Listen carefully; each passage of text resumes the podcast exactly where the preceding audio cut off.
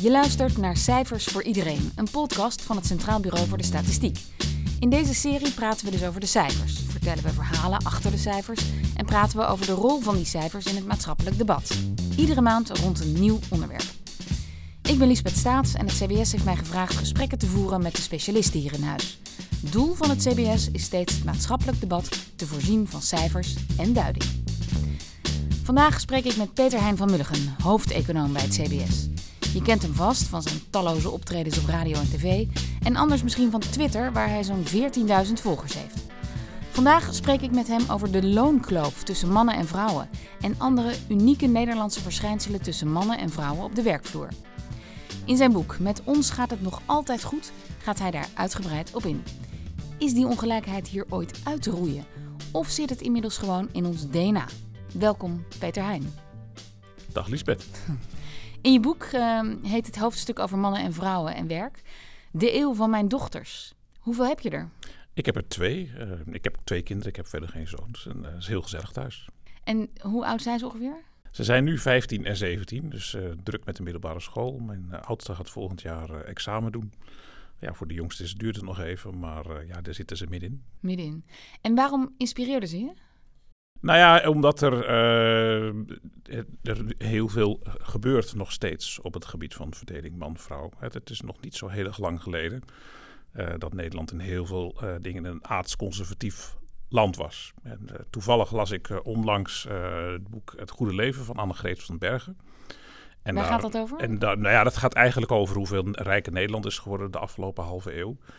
En ook heel veel sociaal-maatschappelijke onderwerpen komen daar aan bod. Bijvoorbeeld hè, de, de rol van jongens versus meisjes. En dat was dan een soort reclameposter, ik denk ergens uit de jaren 50 en 60. Waarin meisjes werden voorbereid op wat ze moesten kunnen uh, om te slagen in het leven. En wat moesten ze kunnen? Ze moesten kunnen poetsen, ze kunnen kleding kunnen verstellen, koken. Want dan waren ze voorbereid voor het huwelijk. En nou ja, dat was eigenlijk de missie in het leven. Nou, ik liet dat mijn dochter zien. Nou, ze geloofden het bijna niet. Van, wat, wat is dit? Nou ja, ik geef, ja, dat is nog maar 50 jaar geleden. En dat, uh, zo werd dat in Nederland toen gebracht. Ja, dat konden ze zich niet voorstellen. Maar toen dacht jij, ja, ik moet nu een boek schrijven dat meer op de generatie van mijn dochters uh, slaat. Nou ja, kijk, uh, er, er, verandert veel, wat ik zei. Maar nog veel is ehm, niet helemaal evenwichtig zou je kunnen zeggen. Voor de wet wel. Met Nederland, als je gewoon puur naar de wetgeving kijkt, is de emancipatie volledig af. En zou er geen enkel verschil meer moeten zijn uh, tussen man en vrouw. Voor de keuzes die je maakt in je leven en uh, wat je kunt bereiken. Zou dat geen verschil moeten maken. Maar de praktijk is een stuk weer barstiger. Nou, jij weet er natuurlijk alles van. Je hebt er zelf een programma over gemaakt. Hè. De verdeling op de werkvloer en de zorg tussen Nederlandse man en vrouw is heel onevenwichtig.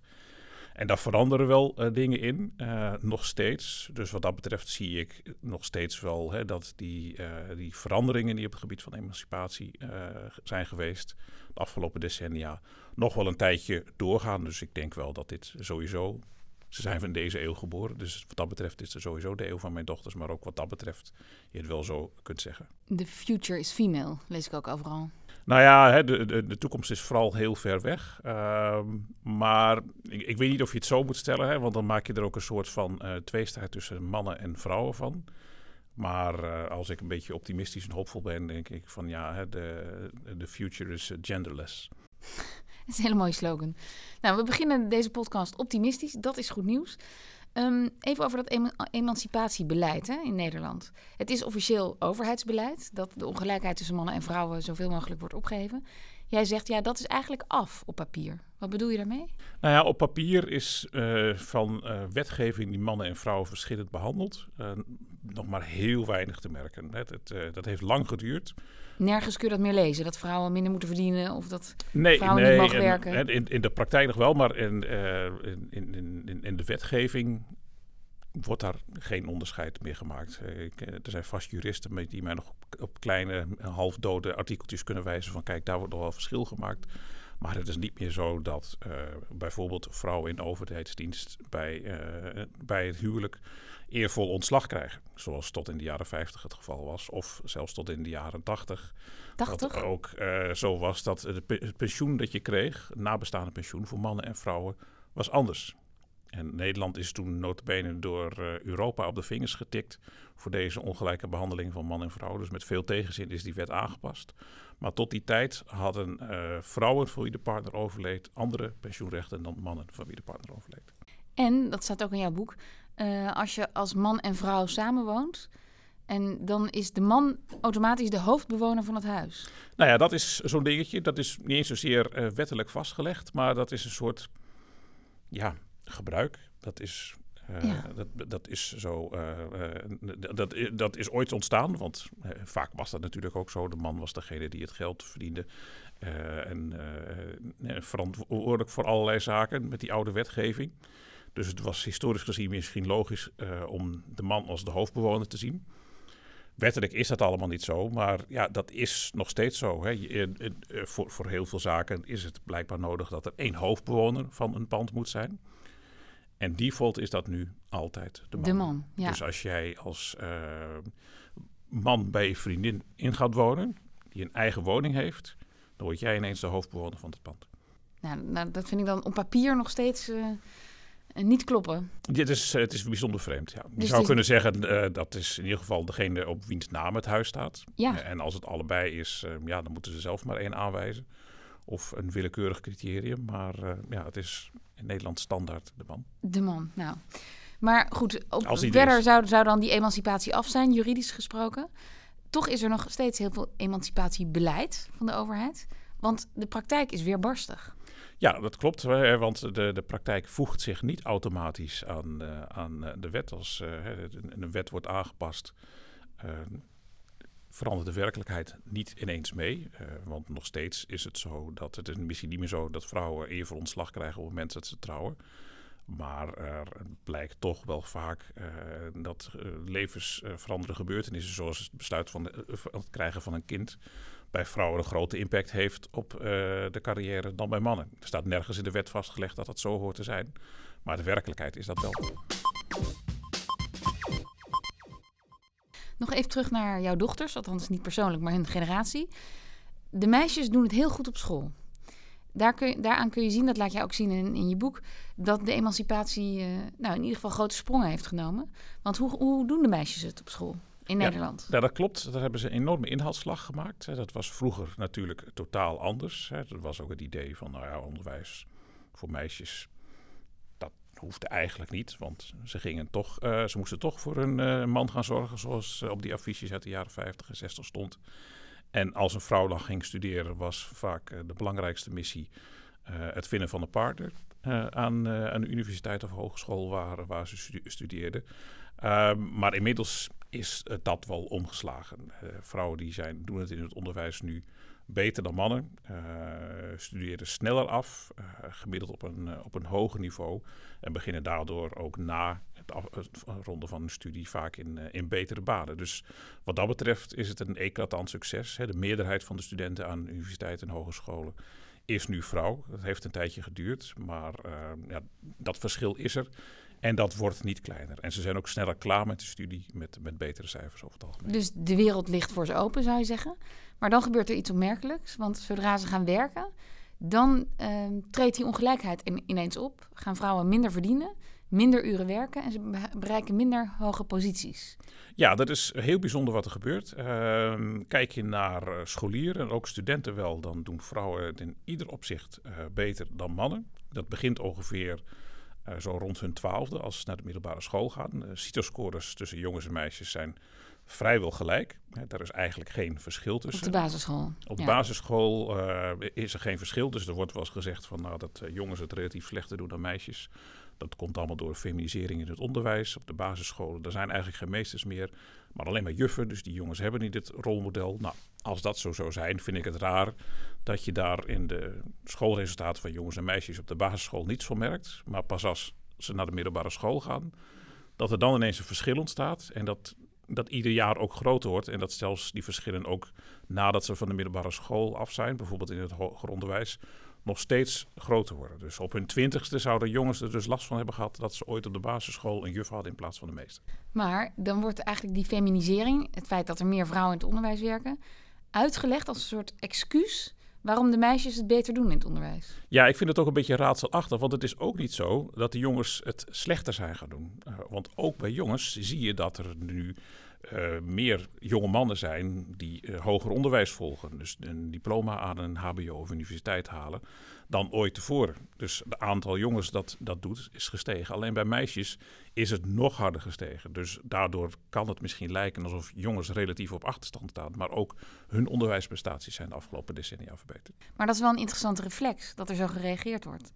Dus uh, het feit dat meisjes het beter doen, dan wordt er een soort rode vlag op, opgestoken. Het gaat niet goed met de jongens. Ja, dat is, dat is heel opmerkelijk. Uh, dat uh, is uh, overigens ook een internationaal fenomeen. Het is niet zo dat Nederland daar heel apart is. Overal ter wereld zie je dat meisjes het in het onderwijs beter doen dan jongens. dus, voorheen werd het een beetje actief ontmoedigd. In landen als Afghanistan nog steeds. dan was onderwijs voor meisjes helemaal niet nodig. Nee. Maar als die belemmeringen worden weggehaald, dan doen ze het in het onderwijs blijkbaar nog beter dan jongens.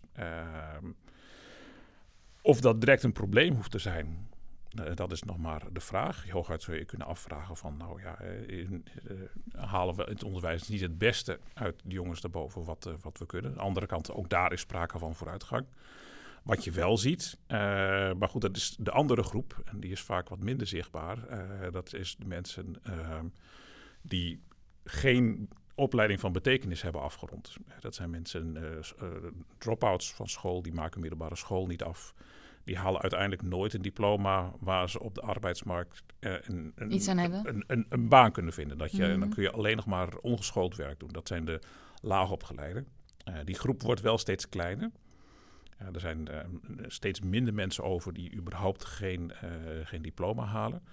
Maar je ziet wel dat de concentratie jonge mannen daarin steeds groter wordt. Het is, uh, het is, je zou kunnen zeggen dat het vooral aan de, aan de onderkant van de, van de onderwijsschaal...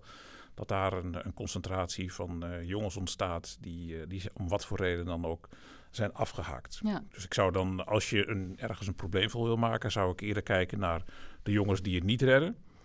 dan de meisjes die het zo goed doen. Ja, en daar zou je een hele nieuwe podcast over kunnen maken... over dat, dat onderwerp. denk ik ook wel. Ja. Maar goed, even terug naar, um, naar de werkvloer. Dus die meisjes komen daar, stel ik mij zo voor, um, helemaal bepakt en bezakt met diploma's, goede motivatie en goede cijfers uh, aan. Maar wat gebeurt daar dat er dan zo'n, dat die voorsprong ja, aan de wilgen wordt gehangen? Ja, dat is heel opmerkelijk. Hè? Wat ik zei, op de middelbare school en het, het vervolgonderwijs doen meisjes het beter dan jongens.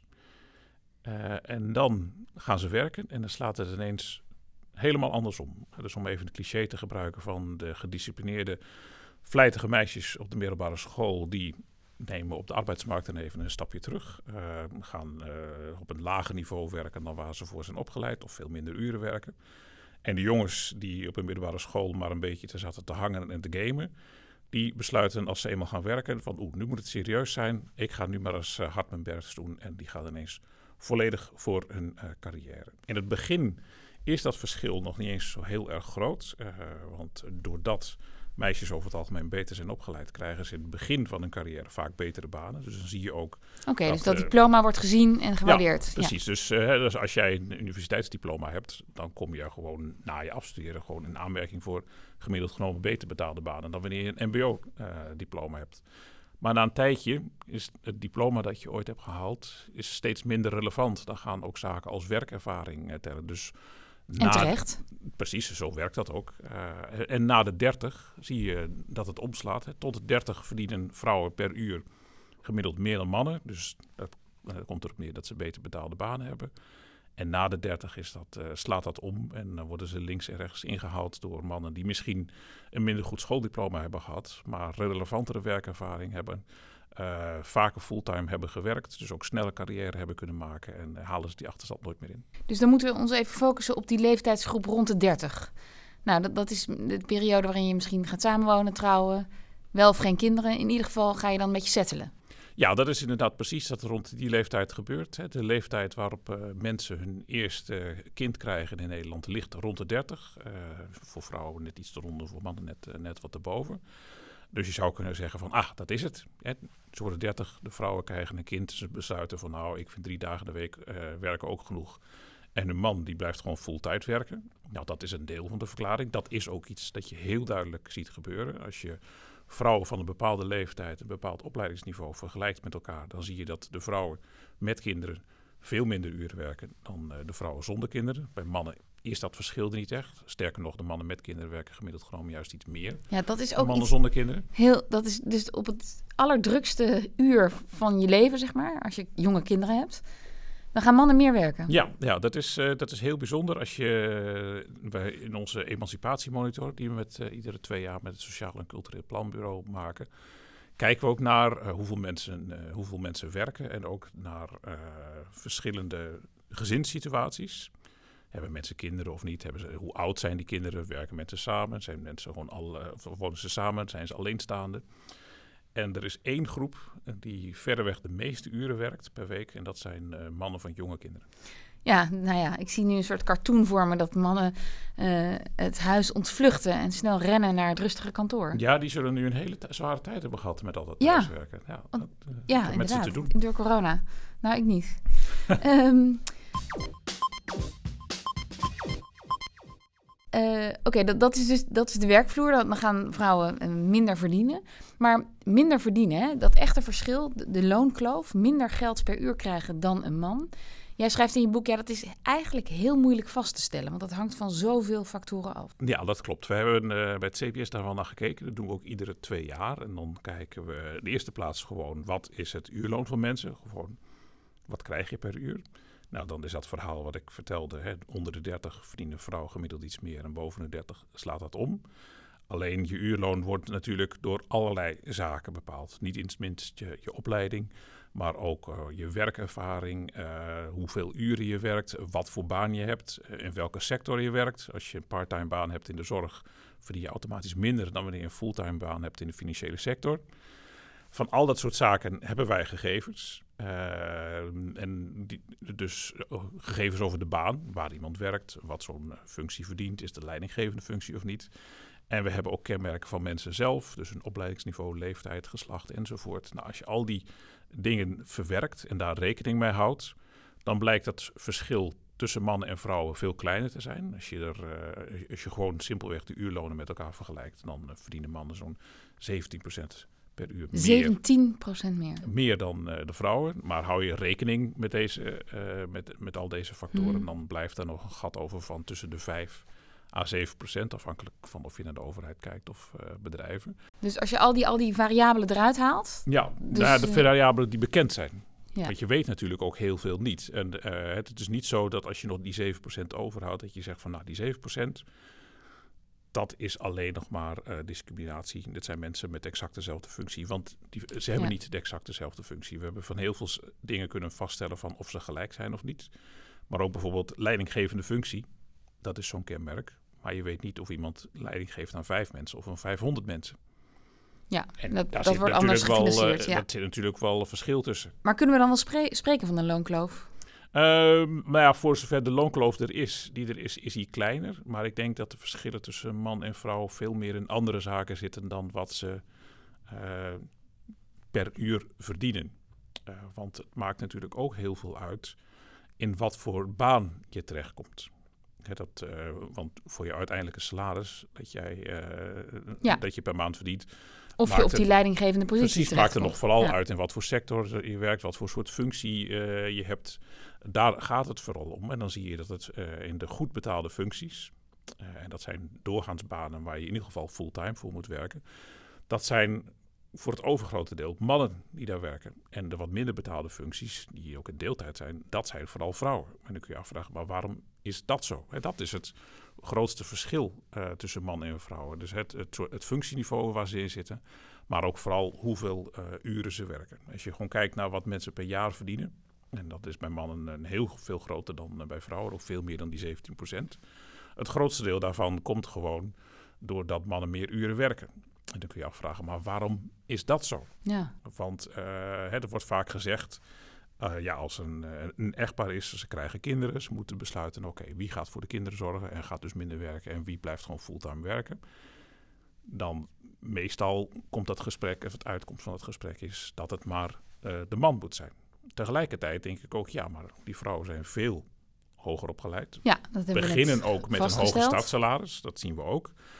Hoe kan het dan dat het altijd de man is die wordt aangewezen als degene van, nou ja, je hebt de beste carrièrekansen. Want ja, als je puur naar gemiddeldes zou moeten kijken, zou het meer dan de helft van de gevallen zou het de vrouw moeten zijn die een hoger salaris heeft, eh, een uursalaris heeft dan een man. Dus ja, waarom want die zijn wordt dan toch die de keuze 30 eh, de, de, de mensen die het meest ver- meer verdienen dan de mannen. Ja, en, en, Ja. en niet alleen het uursalaris speelt hier ook een, een rol, ook het aantal uren dat ze werken. Eh, want als jij als vrouw eh, een hoger uurloon hebt dan je partner, maar jij werkt 30 uur in de week en je partner 40 uur in de week, ja, dan verdient, verdient hij per maand nog steeds meer. Ja, ook al is jouw uursalaris hoger. Dus dat zal ook meespelen. En, en dat vind ik eh, nog steeds wel een, eh, een raadsel waar ik niet echt een goede verklaring voor heb. Is dat ook voordat er kinderen komen, vrouwen al veel vaker die keuze maken om parttime te werken. Net Zelfs na hun studie. net na hun studie. Dat zijn ook hoogopgeleide vrouwen vaak. Die hebben gewoon een universitaire opleiding eh, gedaan met een, een, een studie waar ze hard voor hebben moeten werken. Waar ze zo'n goede baan mee hebben gekregen. En vanaf het begin werken ze al vier dagen in de week. Terwijl die mannen dan direct met vijf, Vijf dagen, in dagen. de week. En vanuit persoonlijke overwegingen is daar niks op tegen. Werk is niet het belangrijkste in het leven. Eh, dat is een afweging die iedereen voor zichzelf moet maken. Maar de consequentie is wel eh, dat als er iemand wordt aangewezen voor promotie voor een hogere functie, ja, bij de meeste bedrijven nemen ze dan toch iemand die voltijd beschikbaar is. En niet iemand die eh, heeft besloten van begin af aan vier dagen te werken. Ook al werk je die vier dagen hard en doe je misschien net zoveel werk als iemand anders eh, dat in vijf dagen doet. Dat zijn ook verhalen die je dan wel hoort. Maar ja, bij veel bedrijven werkt toch vaak impliciet zo van, nou die werkt maar vier dagen, die werkt er vijf. En het wordt die- voor je ingevuld, hè? Je bent Precies. een jonge vrouw, eh, de der- rond de 30. Nou, dan zullen er wel kinderen komen. Dus als wij ja- jou nu eh, een leidinggevende functie geven of aannemen voor die functie, dan ga je straks weer vier dagen werken of drie dagen. Ja, nou ja, kijk. En Dat het- is discriminatie. Het, het, het, cynische is, het, het is ook vaak zo. Het is eh, dat de vrouwen, als ze kinderen krijgen, minder gaan werken. Dat geldt natuurlijk niet voor iedereen. Dus wat krijg je dan bij werkgevers? Daar komt er automatisch, slijt dat verwachtingspatroon in. Op basis van ja, wat het, het gemiddelde wordt gepercipieerd voor een groep als geheel. Maar dat wordt dan toegepast op een individu. Vrouwen gaan over het algemeen vaker minder werken als ze kinderen krijgen. Jij bent een vrouw, dus jij zult die keuze ook wel gaan Ja, maken. maar dan word je dus beoordeeld op eh, het feit dat je tot een groep behoort. Precies, en niet precies. individuele prestaties. Ja, nee, dus het is verklaren waar het vandaan komt. Ja. Maar dat maakt het niet automatisch eh, te rechtvaardigen. En, Nee, eh, zeker niet. En, en ook het feit dat vrouwen veel vaker dan mannen bij het begin al die keuze maken om minder te gaan werken. Ja, hoe, hoeveel vrouwen doen dat? Meer dan de helft. Zelfs dan de alleen helft. bij jong hoger opgeleide vrouwen. En daarbij, bij die groep zit je dat net iets meer dan de helft eh, fulltime werkt. Echt iets van 52 procent. Maar bij mannen in diezelfde groep dan zit het in de buurt van de 90. Tja, wat een verschil.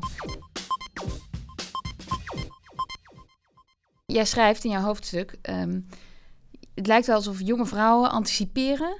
op wat er later van ze verwacht wordt. Namelijk, misschien krijg ik ooit kinderen. Nou ja, dan ga ik natuurlijk toch niet fulltime werken. Of, denk ik dan... Nou ja, ik, krijg toch minder betaald. Dus waarom zou, ik, waarom zou ik nu al vijf dagen gaan werken... als ik toch minder betaald word dan de man? Ja, nee, kijk, dus dat ik wat ik zeg, ik heb daar niet echt een goede verklaring voor. Dus dit is ook een beetje speculatief, dat geef ik direct toe. Uh, maar het is ook in wat je in algemene verwachtingen in de Nederlandse samenleving als geheel ziet, uh, ziet ingebakken. De rol van de vrouw is niet primair uh, het verdienen van inkomen, werk. Het is niet zo dat ze dat helemaal niet meer moet doen. Dus in Nederland wordt er ook een beetje gereageerd als jij een, uh, een vrouw bent, je hebt gewoon een prima opleiding gehad en je werkt helemaal niet. Dat vinden heel veel mensen ook raar. Maar mensen vinden het ook raar als je kinderen hebt en als vrouw fulltime werkt. He, dus ja. er is een soort impliciet verwachtingspatroon dat je als uh, vrouw met kinderen in Nederland nu eenmaal parttime werkt. En dan komen we bij de, million dollar question. Waarom zit dat in onze cultuur? Ja, Want nou, in België is het al heel anders. Dat is twee uur rijden. Ja, nee, dat is, dat is, dat is heel vreemd. En dat is, uh, dat is ook heel erg lang zo. En dat zie je overal weer terug. Uh, voor uh, ook het Sociale Cultureel Planbureau houdt ook wel eens enquêtes onder mensen. En dan met stellingen als vrouwen zijn nu eenmaal geschikter om voor kinderen te zorgen dan mannen. en het is niet goed voor als kinderen meer dan drie dagen, is het volgens mij, naar de opvang gaan. En er is nog steeds een hele grote groep Nederlanders die het daarmee eens is. die dat echt vindt. En die groep is ook de afgelopen twintig jaar niet echt kleiner geworden. Dan heb je toch ongeveer één op de drie mensen die dat vinden. nee, mannen vinden dat nog net iets vaker dan vrouwen, maar voor de bevolking als geheel is het dat. En ook als wij. Maar, maar hoe komt dat? Ja, dat is, het is, het is een, een soort visueuze cirkel, lijkt het wel. Het is eenmaal altijd zo geweest en het, uh, het verandert ook niet. Want, nou ja, wat je zegt, België, uh, nou, Frankrijk, Zweden, allemaal landen om ons heen, waar nog steeds geldt dat mannen vaker werken dan vrouwen. Dat is overal zo. Dat is misschien een paar ex-communistische landen dat het anders is. Ik geloof dat het Baltische staten dat het verschil tussen man en vrouw maar heel klein is. Maar overal eh, is eh, werk eh, in eerste plaats een aangelegenheid voor mannen. En vrouwen doen ook mee. Dat is misschien niet de grote vraag waarom dat zo is. Want het is blijkbaar overal zo. Dus maar ja, goed, het is een interessante kwestie, maar daar komen we deze podcast niet uit. Nee. Maar het opvallende is dus ja, dat het verschil tussen man en vrouwen bijna nergens zo groot is als in Nederland. Alleen in Griekenland en Italië zijn die verschillen groter dan hier. En, en dat, vind ik, dat vind ik wel opmerkelijk. Nederland ziet zich vaak een beetje als een soort reserveland van Scandinavië. Dat is uh, over het algemeen Vergelijkbare economie, liberaal, ja. respect voor het individu. En uh, no-nonsense en die, uh, die vastgeroeste conservatieve familiestructuren, zoals het in de Middellandse Zee, die katholieke landen, zo zijn wij niet. Maar in dat, wat dit betreft zijn is we Nederland wel. aardsconservatief. Tja.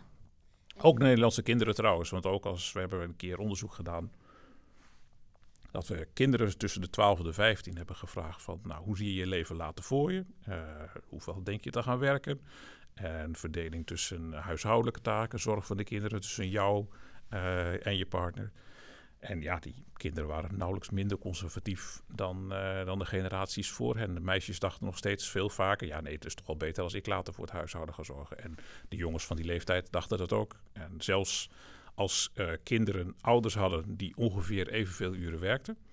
zelfs dan uh, gaven meisjes veel vaker aan dat ze later verwachten... maar een paar dagen in de week te werken en jongens gewoon fulltime. Dus dit krijgen wij in ons drinkwater of zo... Uh, nee, het, ja, of het nou in het water zit of in, uh, in de lucht, ik weet het niet. Of dat we het gevaccineerd krijgen, dat, dat hele conservatieve idee. Maar het is, ja, het, het, het is iets dat heel diep in het Nederlandse DNA zit. Ja.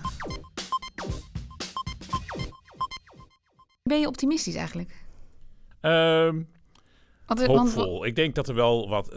Ik denk dat er wel dingen kunnen veranderen. Ook alleen maar omdat heel veel meer mensen dit ook zien dat dit zo werkt. Ja. Uh, en sommige dingen veranderen ook wel. Het gaat heel erg langzaam. Uh, als je bijvoorbeeld kijkt naar uh, vrouw- en topposities, hoge leidinggevende posities, dat is nog steeds vrij laag, dus om 20, 25 procent. Maar dat neemt wel steeds toe. En ook het feit dat vrouwen hè, dus het onderwijs beter blijven doen. Hè, dus heel veel hoogopgeleide vrouwen er zijn dat maakt ook hè, dat die, die druk, zeg maar, die in die functies, hè, van bepaalde ja, goed betaalde functies op hoog niveau, ja, daar, daar hoort over het algemeen een bepaald werk- en denkniveau bij. En meestal dus ook gewoon een, goede een, goede, een goede opleiding. Uh, op een keer zal de wal ook het schip gaan keren. Maar ja, dat soort dingen gaan niet vanzelf. En soms moet je echt het beleid ervoor op aanpassen om, om dat mogelijk te maken. En um ja, kijk, ik vind het erg, want het is ongelijkheid en onrechtvaardig. Maar is het ook voor Nederland erg? Nou ja, je, je, je kunt je afvragen van, ja, kijk, erg, dat, dat is een persoonlijke opvatting van wat is erg en wat is Nou, wat zijn de consequenties? Uiteindelijk zijn er bepaalde dingen en uitkomsten. En als iedereen dit prima vindt met z'n allen, dan kun je zeggen van ja, dan, dan is het toch geen probleem. Uh, maar als je dan van een afstandje kijkt, dan kun je zeggen van, is het ook niet een stukje kapitaalvernietiging? Je hebt hier de helft van de bevolking die ontzettend goed opgeleid is. Meer dan de helft uh, van uh, de jongste generatie vrouwen is inmiddels hoog opgeleid. En heel veel daarvan ehm, gebruiken die potentie die ze daarmee hebben niet volledig in hun carrière. En op een individueel niveau is daar helemaal niets mis mee.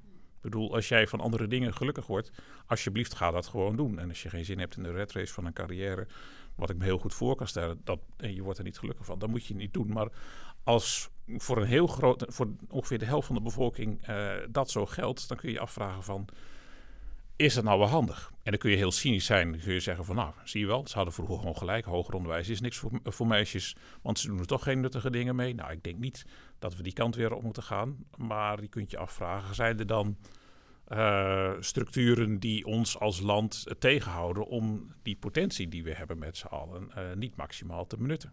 En de tekorten hè, in onderwijs en zorg, nou, daar, gaan, daar staan de kranten vol mee. En dat zijn ook uh, beroepsgroepen waar veel vrouwen werken.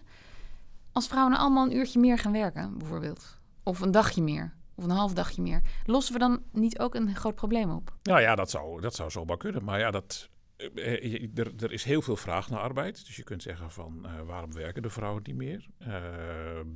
Dat zou je op allerlei manieren mogelijk kunnen maken. Bijvoorbeeld door kinderopvang beter en beter betaalbaar te maken.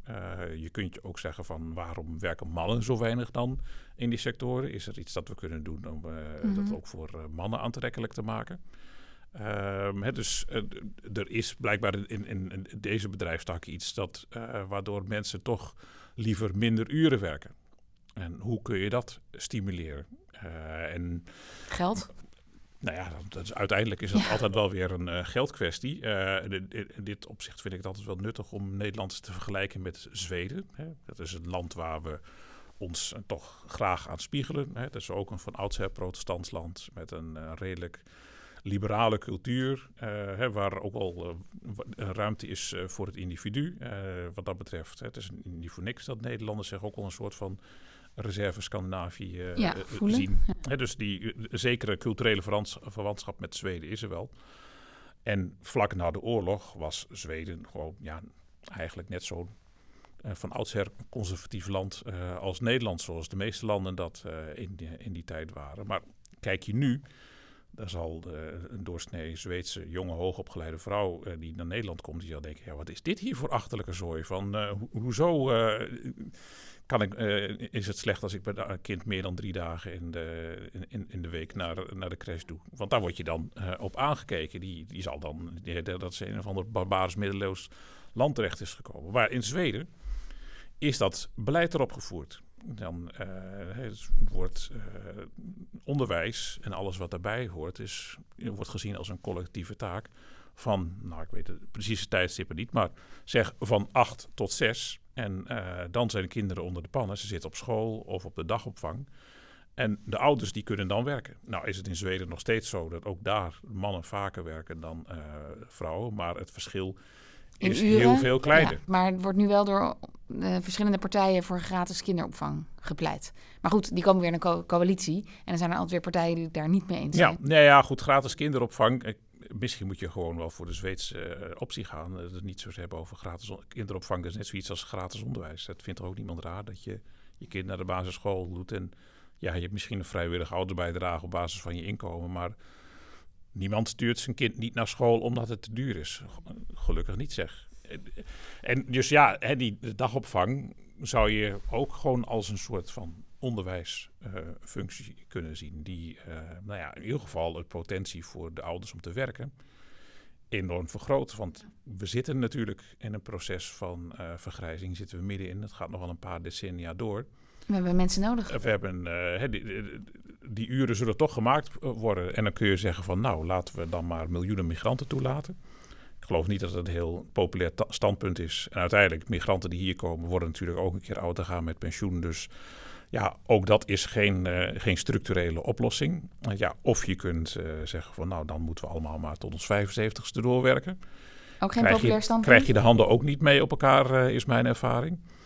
Ja, en, dan, en, en, je kunt zeggen van nou, de mensen die nu werken, uh, laat ze meer uh, uren gaan werken. Want Nederland is ja, in ieder geval Europees en waarschijnlijk ook wereldkampioen deeltijd werken. Trouwens, mannen ook hoor, niet alleen, uh, niet alleen de vrouwen. Dus daar zit ook nog potentie. Dus ik zou me kunnen voorstellen, er wordt wel gezegd van ja, gratis kinderopvang, weet je wat, wat wel niet wat dat kost. Dat is miljarden. Maar ja, als mensen daardoor ook heel veel meer gaan werken, levert het waarschijnlijk heel veel meer op dan het kost. Dankjewel voor dit gesprek. En dit was Cijfers voor Iedereen, de podcast van het Centraal Bureau voor de Statistiek.